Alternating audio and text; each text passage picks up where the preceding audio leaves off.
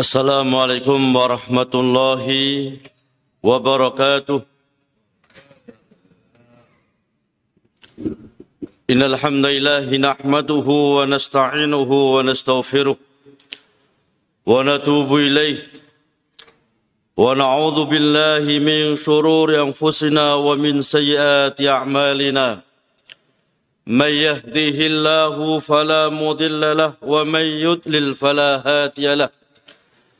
أشهد أن لا إله إلا الله وحده لا شريك له وأشهد أن محمدا عبده ورسوله اللهم صل وسلم وبارك على نبينا محمد وعلى آله وصحبه أجمعين وبعد Jemaah yang dimuliakan Allah Subhanahu wa taala, alhamdulillah. Kita memuji dan bersyukur kepada Allah Subhanahu wa taala atas semua limpahan nikmat dan karunia yang telah Allah limpahkan kepada kita. Salawat dan salam semoga tetap tercurahkan pada junjungan Nabi kita Muhammad sallallahu alaihi wasallam kepada keluarga beliau, para sahabat beliau dan umat yang senantiasa istiqamah di dalam menempuh jejak beliau yaumil qiyamah. Jamaah rahimakumullah.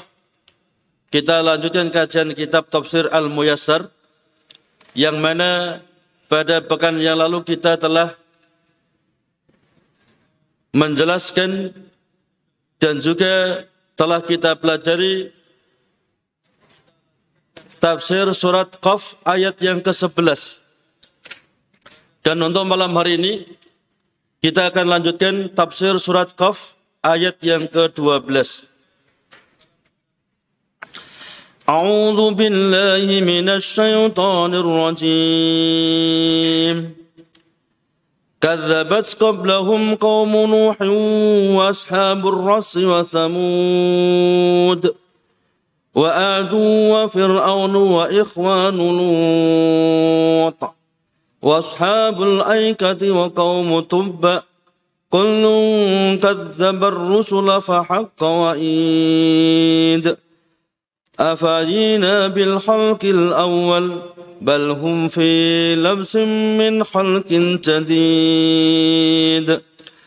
ولقد خلقنا الإنسان ونألم ما توسوس به نفسه ونحن أقرب إليه من حبل الوريد.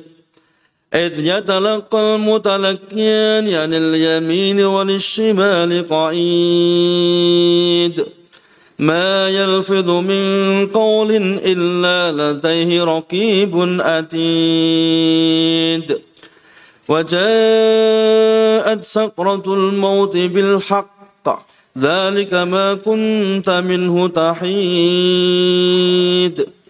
ونفخ في الصور ذلك يوم الوعيد.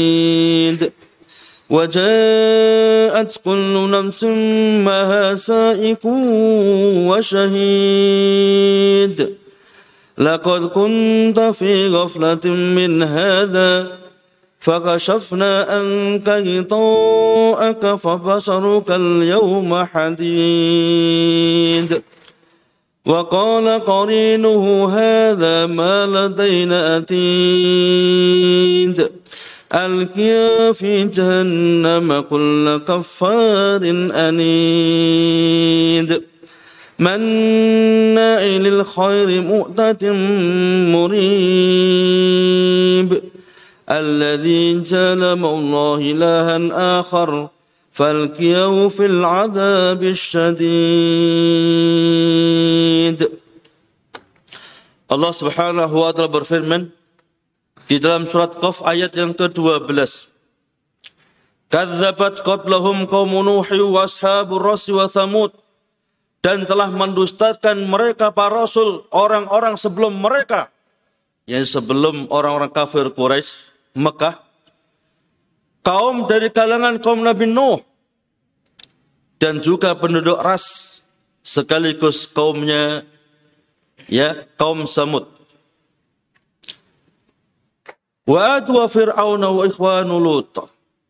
Demikian pula mendustakan para rasul kaum Ad wa Fir'aun sekaligus kaumnya Fir'aun wa ikhwanu Lut dan juga kaumnya Nabi Lut alaihissalatu wassalam. Washabul aikati wa qaumu tubba. Demikian pula mendustakan para rasul-rasul Allah penduduk Aikah dan juga penduduk Tuba. Kullum kadzabar rusula fa wa'id. Semuanya mendustakan para rasul. Fa wa'id. Maka berhak atas mereka untuk mendapatkan hukumanku atau siksaanku. Kadzabat qabla haulal musyrikin min Quraisyin qaum Nuh ashabul bi'ri wa Samud telah mendustakan para rasul-rasul Allah sebelum mereka orang-orang musyrik. Jadi memang rasul itu didustakan oleh umatnya, didustakan oleh kaumnya, itu sudah kebiasaan mereka. Walaqad kudzibat rasulun min qablika fasabaru ya. Allah Ta'ala berfirman dan para rasul itu telah didustakan sebelum engkau Muhammad. Maka mereka sabar atas ya pendustaan yang dilakukan oleh kaumnya. Jadi telah mendustakan para rasul-rasul Allah sebelum mereka orang-orang musyrik Mekah. Kaum Nuh. Bahkan dikatakan Nuh itu gila. Bagaimana mungkin tidak gila? Pada waktu panas yang begitu teriknya, kemarau yang begitu ya, begitu kermarunya, Nabi Nuh membuat kapal yang sangat besar di atas gunung. Maka kaumnya menghina Nabi Nuh. Ya, Nuh betul-betul gila. Bagaimana mungkin? Kita waktu kemarau di musim nggak ada pernah hujan, ya Nuh membuat kapal di atas gunung. Besar lagi, ya. Maka mereka berangkat naik ke atas gunung untuk buang hajat di sana, ya. Untuk melecehkan Nabi Nuh, merendahkan Nabi Nuh, menghina Nabi Nuh. Maka Allah timpakan pada mereka penyakit koreng, ya gudik, ya dan itu tidak sembuh kecuali dengan yakni berobat dengan kotoran mereka yang ditinggal di kapal Nabi Nuh sampai kapal Nabi Nuh bersih dari kotoran mereka. Jadi kotoran mereka itu digunakan sebagai obat mereka sendiri. Ya, itulah cara Allah untuk menghinakan mereka. Orang-orang yang kufur kepada para nabi dan rasulnya. Sekaligus kaum Samud mereka pun juga mendustakan para rasul-rasul Allah. Wa wa fir'aun wa qaum. Sekaligus telah mendustakan Rasul Allah kaum Ad dan juga kaumnya Fir'aun. Bahkan mereka berusaha untuk membunuh Rasulullah yakni Nabi Musa alaihissalam dan juga Nabi Harun bahkan mengejar mereka berdua bersama kaumnya sampai mereka terjebak ya pada lautan. Sehingga Allah firmankan kepada Nabi Musa untuk dipukulkan ya, memukulkan tongkatnya pada laut, maka sedang laut itu terbelah. Maka berlarianlah Musa dan juga orang-orang Bani Israel untuk menyelamatkan diri dari pengejaran Fir'aun laknatullah alaihi. Maka ketika Nabi Musa dan seluruh kaumnya telah di atas, ya, telah di atas pantai, selamat dari laut, maka Allah perintahkan kembali untuk memukulkan tongkatnya seketika laut kembali seperti semula. Maka binasalah Fir'aun dan seluruh ya kaumnya. Dijelaskan dalam tafsir Imam Ibn Qasir bahwasanya pasukan yang berkuda dari pasukan Fir'aun yang mengejar Musa dan pengikutnya itu sekitar 750 ribu. Jadi 750 ribu dipakai kuda. Ya, ada yang berjalan kaki, ada yang bawa gajah, ya. Jumlah mereka tidak terhitung dengan senjata yang sangat komplit dan mereka semuanya dibinasakan oleh Allah di Laut Merah. Ya, itulah balasan atas orang-orang yang menentang para nabi dan rasul rasul Allah Subhanahu wa taala. Demikian pula ashabul aikah ya, penduduk aikah yang mereka diharamkan untuk bekerja pada hari Sabtu. Mereka penduduk aikah diharamkan oleh Allah untuk bekerja hari Sabtu. Hari Sabtu mereka khusus untuk ibadah kepada Allah Subhanahu wa taala. Cuman karena kesombongan mereka, kekufuran mereka, justru mereka diuji oleh Allah. Kalau hari Sabtu, penduduk Aikah yang mereka tinggalnya di dekat pantai, ya, ikan itu nongol-nongol. Jadi ikan nongol-nongol banyak, ya, berkumpul sangat banyak ketika hari Sabtu. Tapi selain hari Sabtu, ikan malah nggak ada yang nongol. Maka mereka membuat siasat. Ya, jaringnya dipasang hari Jumat, Kemudian ya diambil hari Ahad. Ketika diperingatkan oleh nabinya, bukankah kalian dilarang oleh Allah, diharamkan oleh Allah untuk bekerja hari Sabtu? Maka mereka mengatakan, Ya Nabi Allah, sesungguhnya kami tidak bekerja hari Sabtu. Jaring kami pasang hari Jumat. Belum hari Sabtu.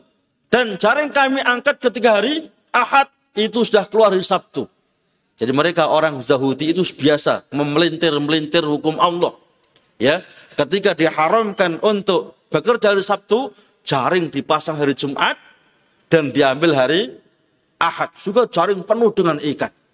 Ya, dan diperingatkan berulang oleh oleh para nabi dan rasul Allah, mereka tetap menentang. Maka orang-orang yang tua di antara mereka yang bermaksiat kepada Allah, maka Allah rubah mereka menjadi seekor babi. Ya, jadi yang tua-tua itu mestinya tua harus banyak taubat. Ya, sudah dekat dengan ajalnya harus banyak bertobat ibadah kepada Allah, istighfar kepada Allah, minta ampun kepada Allah dan jangan sekali-kali bermaksiat kepada Allah. Tapi mereka justru bermaksiat kepada Allah. Maka yang tua-tua Allah rubah mereka menjadi babi. Adapun yang muda-muda ya karena muda ini kalau dia berbuat maksiat lebih ditoleransi. Ya. Dibandingkan yang lebih lebih tua. Maka Allah rubah yang muda menjadi seekor monyet kera. Ya. Al jaza'u min jinsil min jinsil amal. Balasan sepadan dengan perbuatan mereka. Perbuatan mereka seolah-olah benar memasang jaring hari Jumat sebelum hari Sabtu dan mengambil jaring ketika hari Ahad setelah keluar hari Sabtu seolah-olah benar padahal itu salah karena jaringnya beroperasi dan bekerja hari hari Sabtu maka Allah rubah mereka menjadi seekor kera. Yang mana kera itu seolah-olah seperti manusia cuman bukan manu manusia. Maka al jaza'u min, min jinsil amal. Balasan sepadan dengan perbuatannya. Perbuatannya salah, cuman seolah-olah benar. Maka mereka dirubah menjadi seekor kera, yang mana kera itu seolah-olah manusia, seperti manusia, padahal dia bukan manu, manusia. Kemudian setelah tiga hari, maka Allah matikan semuanya mereka. Ini balasan bagi orang yang berbuat maksiat kepada Allah Subhanahu wa taala. Maka kalau haulai aqwam kadzabu rusulahum fa haqqa alaihimul wa'idul ladzi tawa'aduhum Allahu bihi ala kufrihim.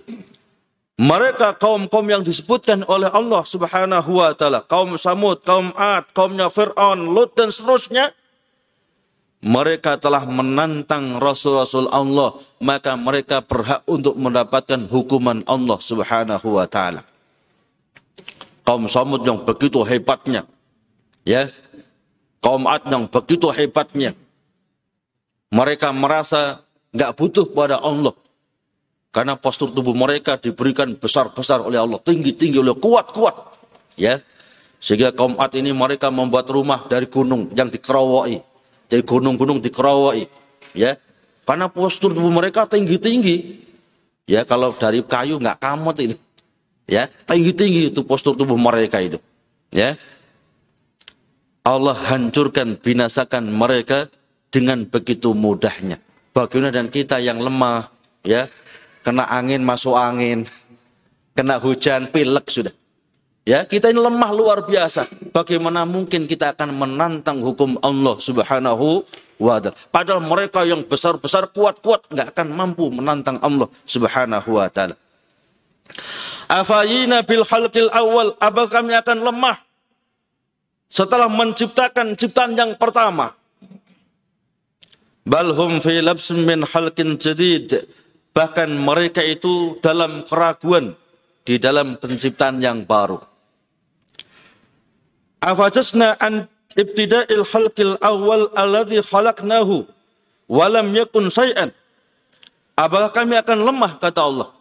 Ya, ketika kami menciptakan seluruh makhluk-makhluk itu, menciptakan bumi yang sebelum tidak ada Allah adakan, menciptakan langit yang sebelumnya tidak ada diadakan oleh Allah, menciptakan manusia yang sebelumnya belum ada diadakan oleh Allah. Apakah kami lemah? Ya, karena orang-orang Yahudi itu mereka punya keyakinan Allah lemah ketika hari Sabtu. Ya. Jadi mereka memilih ibadah ketika hari Sabtu. Karena hari Sabtu Allah lalai kata mereka. Allah kelelahan membuat langit dan bumi. Ya. Allah telah berfirman, "Walladzi khalaqas samawati wal arda fi sittati ayyamin, tsumma stawa Dialah Allah yang telah menciptakan langit dan bumi dalam enam hari. Allah ciptakan bumi itu hari Ahad dan hari Senin.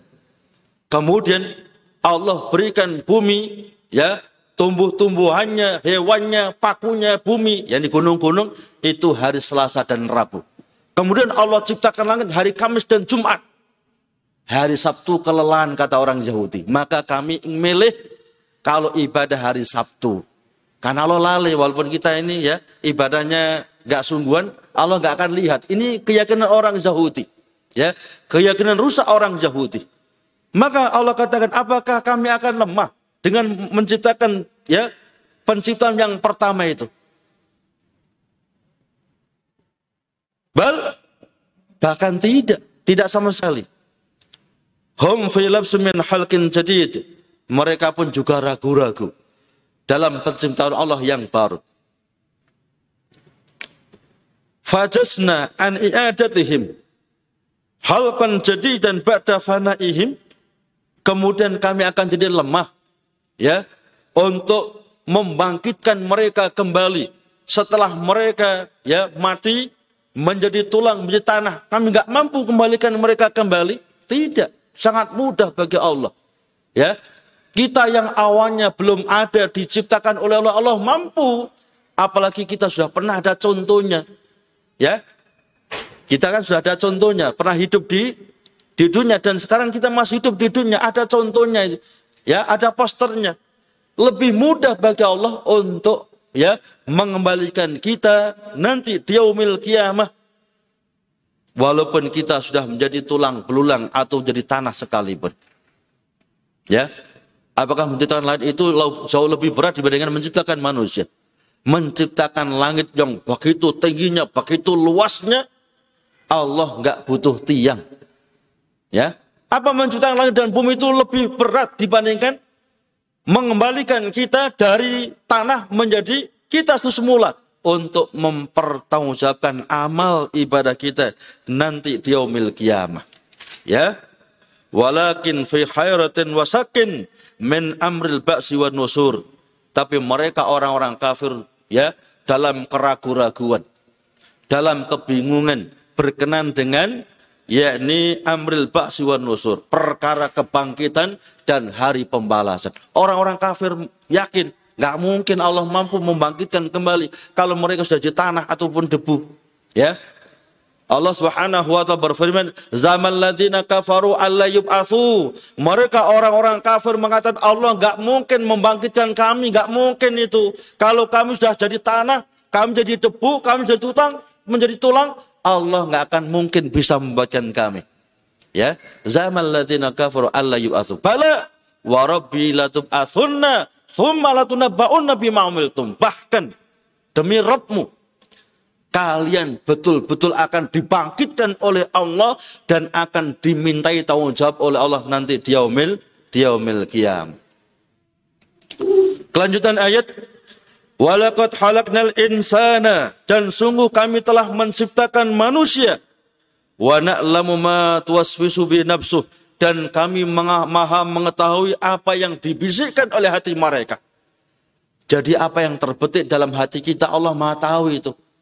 Belum kita ucapkan, belum kita praktekkan. Apa yang terbetik dalam hati kita Allah sudah maha tahu itu. Jangankan apa yang akan kita ya jangankan apa yang kita terbetik dalam hati kita, bahkan ya mungkin 10 tahun ya apa yang akan kita betikkan apa yang kita niatkan Allah sudah tahu itu karena semuanya itu ya telah ditulis oleh Allah dalam kitab Lauhil Mahfud ya. Dan semuanya ditakdirkan oleh Allah. Dan telah ditakdirkan oleh Allah bahkan ditulis oleh Allah dan rincinya dalam kitab Lauhil Mahfud. Maka tidak ada suatu musibah bencana kecuali semuanya diilmui oleh Allah. Allah telah, ber, telah berfirman dalam Al-Quranul Karim Ma asaba min musibatin fil audhi wala fi anfusikum illa fi kitabim min qabli an nabraha inna dzalika 'ala yasir. Tidaklah terjadi suatu musibah bencana pada diri kamu sendiri ataupun di permukaan bumi. Ya, nggak akan terjadi musibah bencana di permukaan bumi bahkan apa yang terjadi pada kamu illa fi kitabim min qabli an nabraha kata Allah kecuali semuanya telah tertulis dalam kitab Lauhil Mahfud sebelum kejadiannya. Inna dzalika 'alal yasir. Itu sangat mudah bagi Allah Subhanahu wa taala. Bukan seperti orang-orang Jabariyah ya, atau orang bukan orang-orang Qadariyah. Yang mana orang Qadariyah mengatakan Allah nggak tahu apa pun kecuali setelah kejadiannya. Jadi kalau ada orang kepreset ya, Parjo kepleset misalnya, kepreset siapa Parjo ya? Allah eh Parjo kepleset baru ditulis oleh Allah ya, Parjo kepleset. Ini keyakinan orang-orang Qadariyah ya, akidahnya rusak. Ahli sunnah wal jamaah sesuai petunjuk Allah dalam Al-Quran dan petunjuk Nabi dalam yang sahih.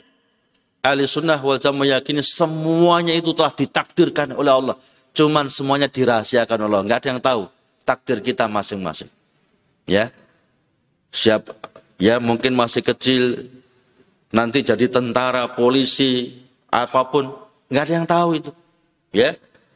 Kadang-kadang anaknya petani malah jadi seorang ustadz. Nggak tahu dia.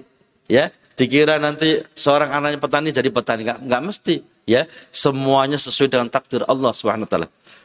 Allah subhanahu wa taala telah firmankan dengan jelas bahwasanya semuanya itu telah ditakdirkan oleh Allah dan ditulis dalam kitab Lauhil Mahfud. Nabi juga telah bersabda dalam hadis riwayat Imam Muslim, "Innallaha qaddara maqadiril khalqi qabla ayyahluqas samawati wal ardi bi khamsina alfa sanatin." Allah telah takdirkan seluruh takdir makhluk-makhluknya 50 ribu tahun sebelum Allah ciptakan langit dan bumi. Jadi langit dan bumi belum Allah ciptakan 50 ribu tahun yang sebelumnya. Takdir kita telah ditulis oleh Allah itu. Nggak, dan itu nggak akan mungkin mereset.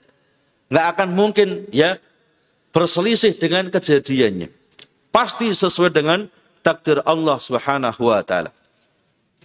Wa nahnu min hablil warid dan kami lebih dekat ya kepadanya dibandingkan urat nadi. Walaqad halaknal insana wa na'lamu ma tuhaddisu bi nafsuh. Sungguh kami telah menciptakan manusia. Jadi bukan bapak ibunya yang menciptakan. Ya. Kalau bapak ibunya yang menciptakan pasti milik anaknya putih, ganteng, mancung. Ya. Begitu terlahir detek kleting. Pesek lagi. Celeng lagi. Ya. Kalau setiap orang tua kan menghendaki anaknya, kalau wanita masih yang paling cantik, macam-macam, ya kan? Kadang-kadang lahir going, ya, naudzubillah. Menunjukkan kita nggak ada kemampuan sedikit pun, semuanya atas takdir Allah Subhanahu wa taala. Wa na'lamu ma tuhadis nafsuh dan kami maha mengetahui apa yang terbetik dalam hatinya. Wa nahnu aqrabu min hablil warid dan kami lebih dekat kepadanya melebihi urat nadi. Wa huwa irkun fil unuk muttasulun bil qalbi. Yang dimaksud urat nadi adalah ya urat yang ada pada leher dan itu bersambung dengan hati. Ya. Ilmu Allah ya, ilmu Allah. Allah mengilmui semuanya. Bahkan Allah perintahkan malaikat untuk mencatat bagian kanan dan bagian kiri. Ya.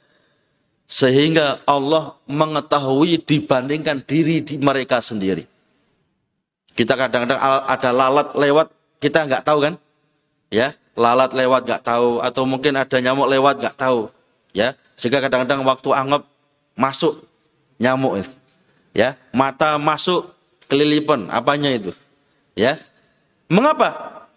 Padahal sangat dekat dengan kita. Kita ya, kita nggak kita nggak tahu semuanya terbatas ilmu kita. Adapun Allah apa pun diketahui oleh Allah Subhanahu wa taala. Ada sebagian saudara kita salah dalam memahami ayat ini. Ya. Mereka mengatakan Allah itu lebih dekat dibandingkan urat nadi jadi nemplek. Allah itu bersama dengan makhluk. Sehingga ada keyakinan wihdatul wujud manunggaling kaulolan Gusti, menyatunya antara Allah dengan makhluk. Ini sesat. Karena tidak memahami ayat dengan tafsirnya. Padahal Allah telah jelaskan, ma yalfidu min qaulin illa ladaihi raqibun atid. Itulah tafsirnya. Ya. Sebelumnya Allah telah berfirman, "Id yatalaqal mutalaqiyani anil yamin wa nisimali qa'id."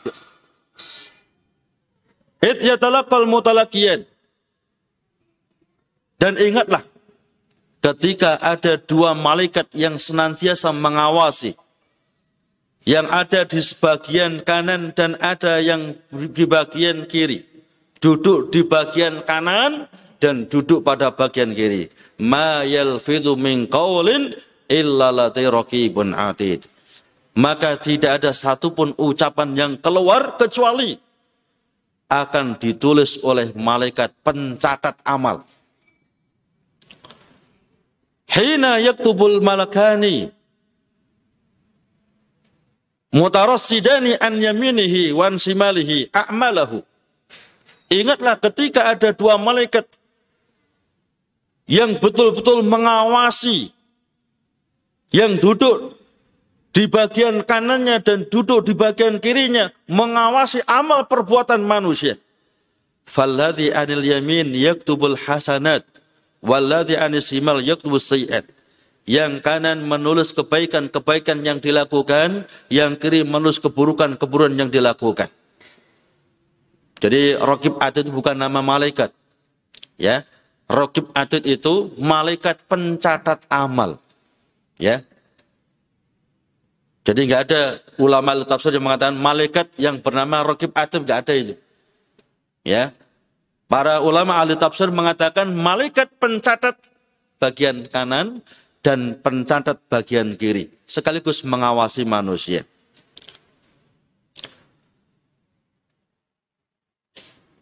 Ma yalfadhu min qawlin fayatakallam bi illa ladaihi malakun yarkabu qawlahu. Maka tidak ada satupun lafat yang dilafatkan oleh manusia kecuali di sisinya ada malaikat yang senantiasa mencatat perbuatannya ataupun ucapannya. Wahwa malakun hadir mu'adl lidalik. Dan itu malaikat yang senantiasa mengiringinya ke mana pun ya kita ke ya ke pasar, kita di jalan, kita di kantor, kita di kamar mandi, terus ada itu malaikat ini. Pencatat amal terus ya terus ada bersama dengan kita. Karena mereka adalah mu'addun lidalik. Karena mereka memang disiapkan oleh Allah untuk mencatat amal perbuatan kita. Maka satu kata pun nggak ada yang lepas dari catatan malaikat. Kalau antum waktu talim semacam ini bawa tulisan, kan ada kata-kata yang ya yang nggak tertulis, ya. Ataupun ada kalimat-kalimat yang kadang-kadang telat kita ini. Tapi ucapan yang kita ucapkan satu huruf pun gak ada yang lepas dari catatan malaikat yang disiapkan oleh Allah untuk mencatat amal perbuatan kita. Kelanjutan ayat Wajahat sakratul mauti bil dan sungguh akan datang sakaratul maut dengan sebenar-benarnya. Wadzalika ma kunta minhu tahid. Dan itu adalah yang senantiasa kalian mau menghindarinya, mau lari darinya. Ya, sakaratul maut itu pasti terjadi. Kita walaupun dimasukkan di peti malah cepat mati itu. Ya, khawatir ya ketemu malaikat maut. Ya, dimasukkan peti malah cepat mati nanti. Ya. Dan tidak ada yang bisa lepas dari sakaratul maut. Profesor, dokter, dokter pun nggak akan bisa lepas dia. Ya, Bahkan kadang-kadang profesor, dokter, dokter umurnya hanya 60 tahun, 58 tahun, ya. Bahkan petani kadang-kadang sampai 85 tahun, 90 tahun, 100 tahun, ya. Padahal petani itu nggak begitu ngerti masalah kesehatan dia. Ya. Profesor, dokter, dokter itu jauh lebih ngerti masalah kesehatan. Tapi kadang-kadang umurnya juga nggak terlalu panjang. Ya 65, 70 sudah ya nguat-nguat no itu. Ya, tapi kadang-kadang petani yang setiap hari nyemplung sawah, berkotor-kotor dengan tanah itu, kadang-kadang umurnya 90 tahun. Sampai 100 tahun. Ya Padahal dia berkotor-kotor dengan tanah dan lain sebagainya. Wajahat siddatul maut wa ghabratu bil haq alladhi la maradda lahu wala minasa dan sungguh akan datang sakaratul maut. Kerasnya sakaratul maut. Yang itu nggak akan mungkin bisa lepas kita. Nggak akan mungkin bisa mengelak kita. Lari ke mana pun kita, maka kematian akan datang kepada kita. Bahkan, ya, kalau Allah takdirkan seseorang meninggal di suatu tempat, Walaupun orang ini nggak biasa ke tempat itu, dia akan berangkat ke tempat tersebut. Ya, ada cerita seorang anak ini seumur hidup nggak pernah ngantarkan ibunya ke pasar. Lah kok waktu mau meninggal ngantarkan ibunya ke pasar, tabran mati dia. Seumur hidup nggak pernah ke pasar. Ya, di rumah terus nggak mau ke pasar. Ya, selesai kuliah langsung masuk rumah nggak pernah ke pasar. Ya, begitu ajalnya tiba, Allah takdirkan ajalnya itu setelah pulang dari pasar. Lah kok dia ngantarkan ibunya ke pasar, meninggal. Ya. Menunjukkan apa? Kita yang akan mendatangi tempat di mana kita akan meninggal, meninggal dunia. Ya. Seumur-umur hidup nggak pernah ke Singapura misalnya, ya. Dia dapat hadiah ke Singapura. Lah kok mati di sana? Ya, Berarti tempat kematiannya di di Singapura. Walaupun seumur hidup dia nggak pernah tahu mana Singapura, ya arah dari mana dari arah kita ini nggak ngerti dia. Ujungnya mana nggak ngerti. Tapi kalau takdirkan ajalnya di Singapura, dia akan berangkat ke Singapura. Ya. Dan kematian itu sangat berat. Sakratul maut itu sangat berat. Kata Nabi kita Muhammad SAW, Innalil sakarat. Sesungguhnya kematian itu pasti diawali dengan sakaratul maut. Ya. Sehingga maaf kadang-kadang sampai keluar kotorannya. Karena begitu beratnya sakaratul maut itu. Ya. Berat. Luar biasa. Maka kita memohon dan berdoa kepada Allah Subhanahu wa taala, Allah mudahkan kematian kita dan mati dalam keadaan husnul husnul khatimah. Karena nggak ada orang yang nggak mungkin mati, pasti mati. Kullu nafsin Za'iqatul maut. Ya, semua yang bernyawa itu pasti mati. Ya. Cuman kita berharap berdoa kepada Allah mati dalam keadaan husnul khatimah, mati dalam keadaan ibadah. Maka benar kata Imam Ibnu Katsir, man asa ala mata alaihi. Kata beliau, Imam Ibnu Katsir, orang yang hidup dengan suatu kebiasaan, maka insya Allah dia akan mati dengan kebiasaannya. Dia biasa puasa, puasa, puasa. Waktu puasa meninggal dia. Dia biasa sholat, sholat, sholat. Waktu meninggal pas waktu sholat dia. Ya, dia infak sodako, infak sodako, infak sodako, meninggal pas infak sodako dia. Tapi naudzubillah mendalik. Orang yang biasa maksiat, mati dalam kemaksiatannya. Ya, padahal innamal amalu bil khawatim amal yang menentukan nasib kita nanti di yaumil kiamah adalah amal yang terakhir. Maka kita mohon kepada Allah untuk mendapatkan husnul khatimah. Ya. Kelanjutan ayat Walaqad kunta fi ghaflatin min hadha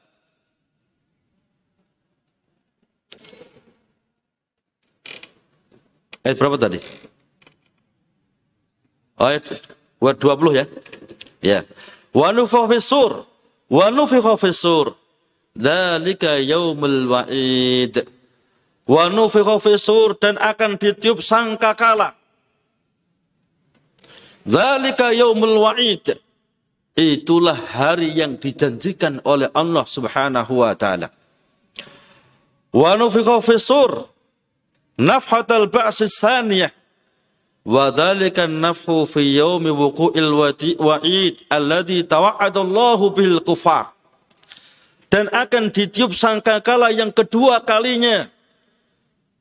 Yang mana ketika ditiup sangkakala yang kedua kalinya semua makhluk akan bangkit untuk menghadap Allah Subhanahu wa taala yang mana Dzalika nafhu fi yaumi wuqu'il wa'id alladzi tawa'adallahu bil kufar. Itu hari ditiupnya sangkakala yang kedua kalinya. Hari yang Allah ancamkan atas mereka orang-orang kafir. Orang yang kafir kepada akan ditarik masuk neraka Allah. Orang-orang yang kufur kepada Allah, ingkar kepada ayat-ayat Allah akan ditarik, diseret masuk neraka Allah Subhanahu wa taala. Walladzina kafaru wa kadzabu bi ayatina. Orang-orang yang kafir dan mendustakan ayat-ayat kami, maka mereka akan masuk neraka. Ya. Dan disebutkan dalam hadis bahwasanya jarak antara tiupan sangkakala yang pertama ya ini terjadi hari kiamat. Jadi ketika ditiup sangkakala yang pertama seluruh alam semesta ini akan hancur. Ya, lautan akan diluapkan, gunung-gunung akan berterbangan seperti kapuk kapas. Ya, bintang-bintang berjatuhan. Semuanya hancur ketika ditiup sangkakala yang pertama. Kemudian ditiup sangkakala yang kedua, semuanya akan dibangkitkan oleh Allah Subhanahu wa taala untuk mempertanggungjawabkan amal ibadah mereka nanti di hadapan Allah. Dan jarak antara tiupan yang pertama dengan tiupan yang kedua, kata Nabi kita Muhammad SAW adalah sepanjang selama 40 tahun. Jadi ditiup sangkal yang pertama kiamat terjadi, ya. Setelah 40 tahun, ya, ditiup sangkakala yang kedua. Dimulai dengan turunnya hujan rintik-rintik. Maka kata Nabi kita Muhammad SAW, manusia akan bangkit tumbuh seperti biji-bijian yang terkena air. Ya. Dengan kalau ada kacang hijau itu kasih air sedikit ya. Besok langsung cokol itu. Ya kan? kacang otok itu ya, dikasih air sedikit walaupun ada di sak bisa cokol itu. Ya. Anak pernah ngesai kacang hijau lah kok cokol. Masya Allah, benar saudara Nabi. Ya, hujan rintik-rintik, Kemudian akan ya mereka akan bangkit spontan ya menghadap Allah Subhanahu wa taala. Maka Nabi kita Muhammad SAW telah bersabda ya di dalam hadis yang sahih riwayat Imam Muslim. Innakum satub asuna yaumal qiyamah ghurran muhajjalina ya innakum satub asuna yaumal qiyamah ya Ghuran muhajjalina min athar wudu. Kalian kaum muslimin akan dibangkitkan nanti di yaumil kiamah dalam keadaan putih bersih dari bekas-bekas wudhunya. Jadi kalau wudhu sungguh-sungguh, ya. Karena tidak ada umat yang mendapatkan kemuliaan yang semacam ini kecuali umat Nabi kita Muhammad sallallahu alaihi wasallam.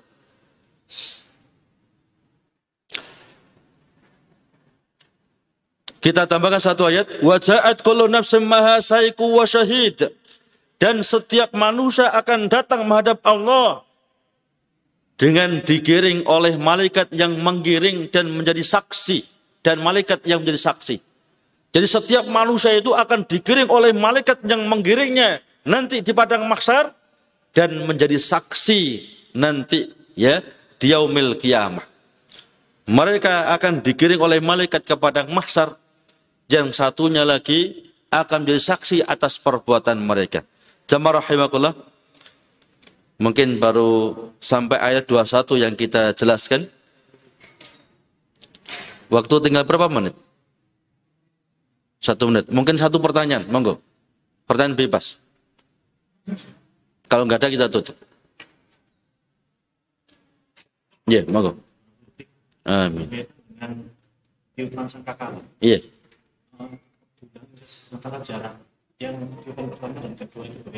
Iya.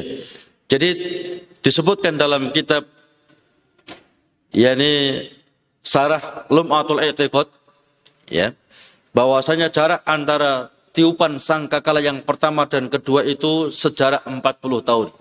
Ya. Tiupan sangkala yang pertama hancurnya seluruh alam semesta ini, kiamat.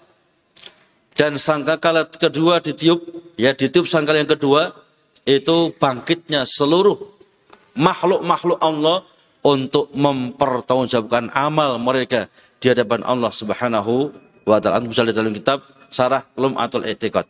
Ya. Demikian mudah-mudahan bermanfaat kita tutup dengan doa kafaratul majlis. Subhanallah asyhadu an la ilaha illa anta astaghfiruka wa atubu Assalamualaikum warahmatullahi wabarakatuh.